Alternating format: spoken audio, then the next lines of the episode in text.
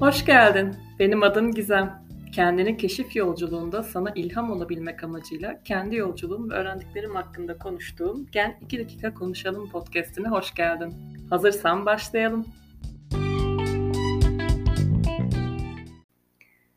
Aldığımız elektronik eşyalar bir kullanım kılavuzuyla geliyor değil mi?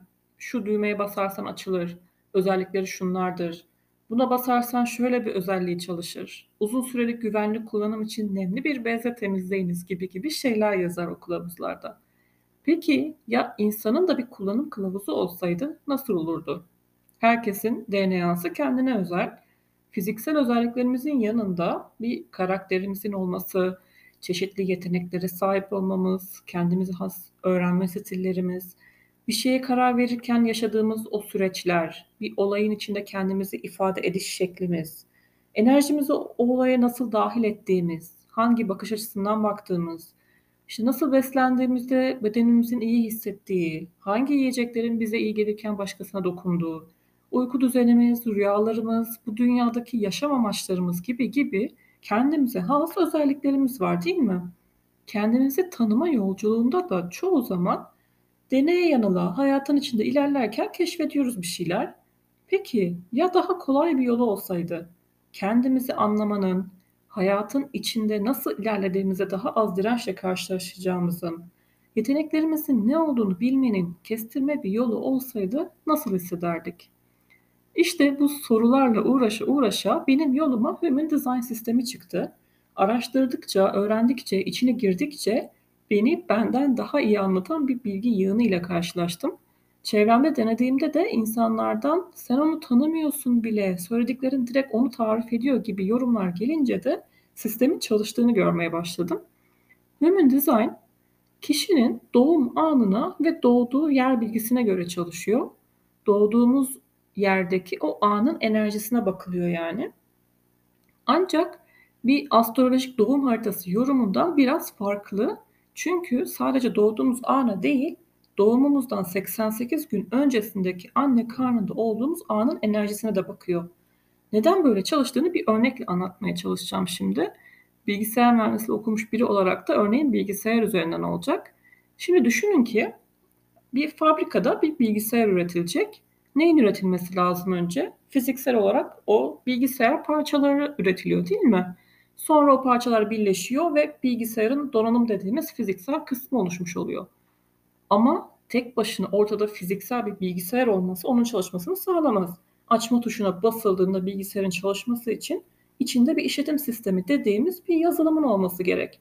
Fabrikanın sonraki hattına geliyor bu donanım ve bu bilgisayarın içine bir yazılım yükleniyor şimdi.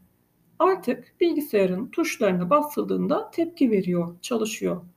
Fabrikadan çıktı bilgisayar şimdi. Tek başına o bilgisayar çalışabilir mi? Hayır. Bir kullanıcısının olması lazım değil mi? Bilgisayar eğer kullanıcısı yoksa varlık gösteremez. İçindeki özellikleri kendi kendine kullanamaz. E ne olacak şimdi? Biri gelecek, o bilgisayarı alacak ve kullanmaya başlayacak.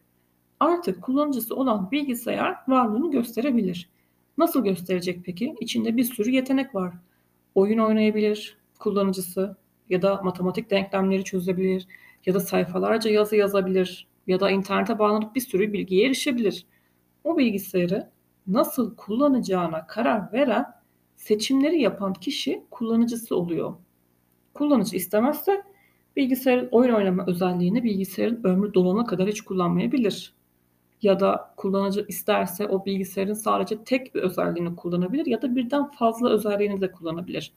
O bilgisayarı kullanarak başka bilgisayarlar nasıl üretilir üzerine bile çalışabilir kullanıcı istediği takdirde.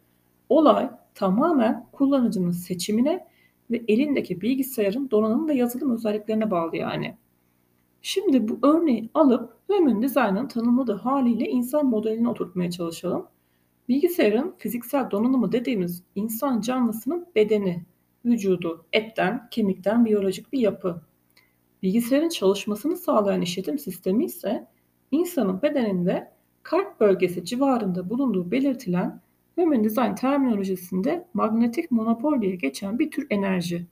Eğer terimler kafanızı karıştırıyorsa takılmayın. Hani filmlerde görürüz ya hastanelerde acilde kalbi duran hastaya elektroşok verirler, nabız atmaya başlar. O enerji akışı gibi düşünebiliriz bunu. Sonra bilgisayarın bir de kullanıcısı vardı. İnsan canlısında da buna bilinç diyor Human Design. İngilizce'deki consciousness kelimesinin karşılığı aslında. Başka bilgilerde ruh, çi vesaire gibi başka isimleri de var. Bu bilinç de bu bedende yaşarken seçimleri yapan, bu insanın nasıl bir hayat yaşayacağını seçen kısım işte. Şimdi az önce Human Design sadece doğum anına bakmaz. Aynı zamanda doğumdan 88 gün öncesine de bakar demiştim. Bu noktada fabrikada üretilen bilgisayarın kullanıcısı ile buluşması gibi anne karnındaki bedenin de bilinç ile buluştuğu söyleniyor Human Design'da. Bu yüzden o an da önemli. Yani doğumdan 88 gün yaklaşık öncesi. Dolayısıyla Human Design şemalarımızda bir bilincimizden gelen, bilincinde olduğumuz, daha rahat fark edebildiğimiz özellikler gözükür doğum anı. Bir de bedenimizden gelen, çok da bilincinde olmayabileceğimiz özellikler gözükür doğumdan yaklaşık 88 gün öncesi. Bazen bir durum içinde mesela bir şeyler söylersin, bir şey yaparsın. Nereden çıktı şimdi bu dersin? Tekrar aynı cümleyi kuramazsın belki bir daha. O anlarda işte bu bilinçsiz tarafımızdan gelen özelliğin konuşmuştur diyor Human Design. Hem bu bilinçli hem de bilinçsiz özelliklerinin her biri astrolojik olarak o, o andaki denk gelen gezegen enerjisi ile de kendini gösteriyor aynı zamanda. Yani diyelim ki aynı özellik iki ayrı insanda da var ama biri Mars enerjisi ile daha savaşçı bir yapıda, daha hareket halinde kendini gösterirken aynı özellik diğer insanda Satürn enerjisiyle daha istikrarlı, stabil, sabırlı bir yerden kendini gösteriyor olabilir. Human Design'ın daha derinlerine indiğimizde de bu özelliklerin çalışma frekanslarının da farklılaştığını görebiliyoruz ayrıca. Bir insan bir özelliği o konuda daha araştırmacı bir tavır göstererek ortaya koyarken başka bir insan aynı özelliği gidip değişik şeyler deneyerek kendini ortaya koyuyor olabilir mesela. Yani sözün özü insan canlısının her bir bireyi kendine özgü, eşsiz, tek yumurta ikizi bile olsanız farklısınız. Bilgisayarların kullanıcıları farklı çünkü hatırlayın. Seçimleri yapan kullanıcıydı. Yani insandaki bilinç. Her bir insanın kullanım kılavuzu da kendine ait oluyor yani dolayısıyla. Bu sistemin içinde astrolojinin yanı sıra Kabala yaşam ağacı, Çinlilerin I Ching heksagram sistemi, Hintlilerin çakra sistemi, bilim dünyasında keşfedilen nötrinolar, genetik ve fizik alanları gibi alanlar da kullanılıyor. Tüm bu bilgilerin bir sentezi olarak bu Human Design adını verdiği sistemi ortaya koyan da Ra Uruhu adındaki bir insan. 1992 yılından öldüğü 2011 yılına kadar bu sistemi anlatmaya ve öğretmeye kendini adamış. Bu bilginin kendisine gelişinin ise duyduğu bir ses aracılığıyla olduğunu söylüyor Ra. Gerçekten ilginç ve inanması zor bir durum gibi bence. Ancak ben bilginin nasıl geldiğinden çok bilgiye odaklanmayı ve deneyimlemeyi, çalışıp çalışmadığını görmeyi tercih ediyorum. Bu da aslında benim kendi tasarımımdan da gelen bir özellik. Zaten Ra da diyor ki Human Design bir inanç sistemi değil. Deneyerek sizde çalışıp çalışmadığını görebileceğiniz bir şey. Deneyin, sizde çalışıyorsa hayatınızda kullanın. Yok çalışmıyorsa da unutun gidin. Bu kadar basit aslında. Eğer bu sistemin nasıl çıktığını, bu çıkışı hakkında, bu sesin duyuluşu hakkında bu bilgi merakınızı uyandırdıysa aşağıda podcast bilgilerine bıraktığım Ra'nın yaşadığı bu bilginin geniş anını anlattığı videoyu da izleyebilirsiniz YouTube'dan. İlginç bir video. Bu Human Design sistemi ile ilgili öğrendiğim en önemli bilgilen en önemli e, bilgiden de bahsedip bu bölümü kapatacağım. Şimdi başta anlattığım örneği hatırlayalım. Bilgisayarın donanımı, bir işletim sistemi ve kullanıcısı vardı. İnsan içinde bu bedeni magnetik monopol denen işletim sistemi ve bilinci oluyor dedik. Şimdi bilgisayarı kullanırken kullanıcı bilgisayar ile ne yapacağını seçiyor. Ben oyun oynayacağım diyor mesela. Tamam mı? İlgili tuşa basıyor klavyede. Sonrası artık işletim sisteminde. O oyunu açmak, başlatmak ve kullanıcının önüne getirmek o yazılımın işi. Kullanıcı karışıyor mu? oyunu şöyle aç, ekranda şöyle göster, 5 saniyede değil 1 saniyede aç gibi. Hayır. Bilgisayarın donanım ve yazılım özelliklerine göre işletim sistemi kendi işine bakıyor ve kullanıcının seçtiği görevi yerine getiriyor. Şimdi insan modelimize gelelim.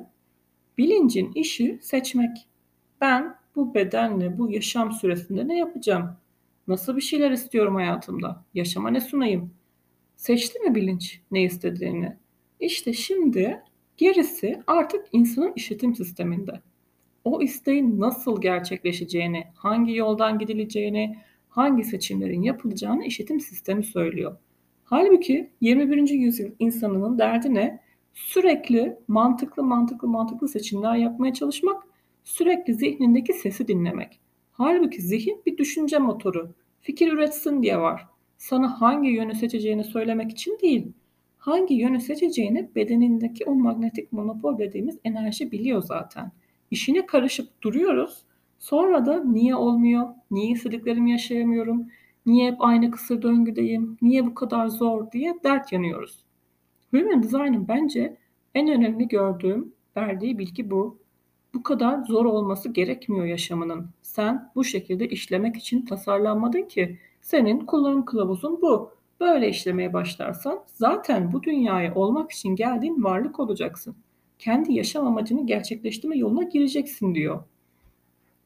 Bence bu bir insanı o kadar ferahlatan, en azından kendimi ve kendiyle ilgili kafasındaki çözemediği şeyleri açıklığa kavuşturan, yaşamında ilerlemeyen şeyleri fark ettiren, işte hayatındaki diğer insanlarla ilişkilerini iyileştiren, yastığa başını koyduğunda gece içinde kendisini rahat hissettiren bir şey ki deneyimledikçe ve zaman içinde sonuçlarını gördükçe anlamaya başlıyor insan. Bu yüzden de kişiye özel ve onun kendi hızında, kendi zamanında işleyen bir yolculuk bence. Bu bölümlük benden bu kadar. Human Design sistemine bu bölümle bir giriş yapmış olduk bence. Devamının geleceğini düşünüyorum ama işletim sistemim gösterecek nasıl olacak, ne zaman olacak diye bakalım. Bir sonraki bölümde görüşünceye dek kendine çok iyi bak. Hoşça kal.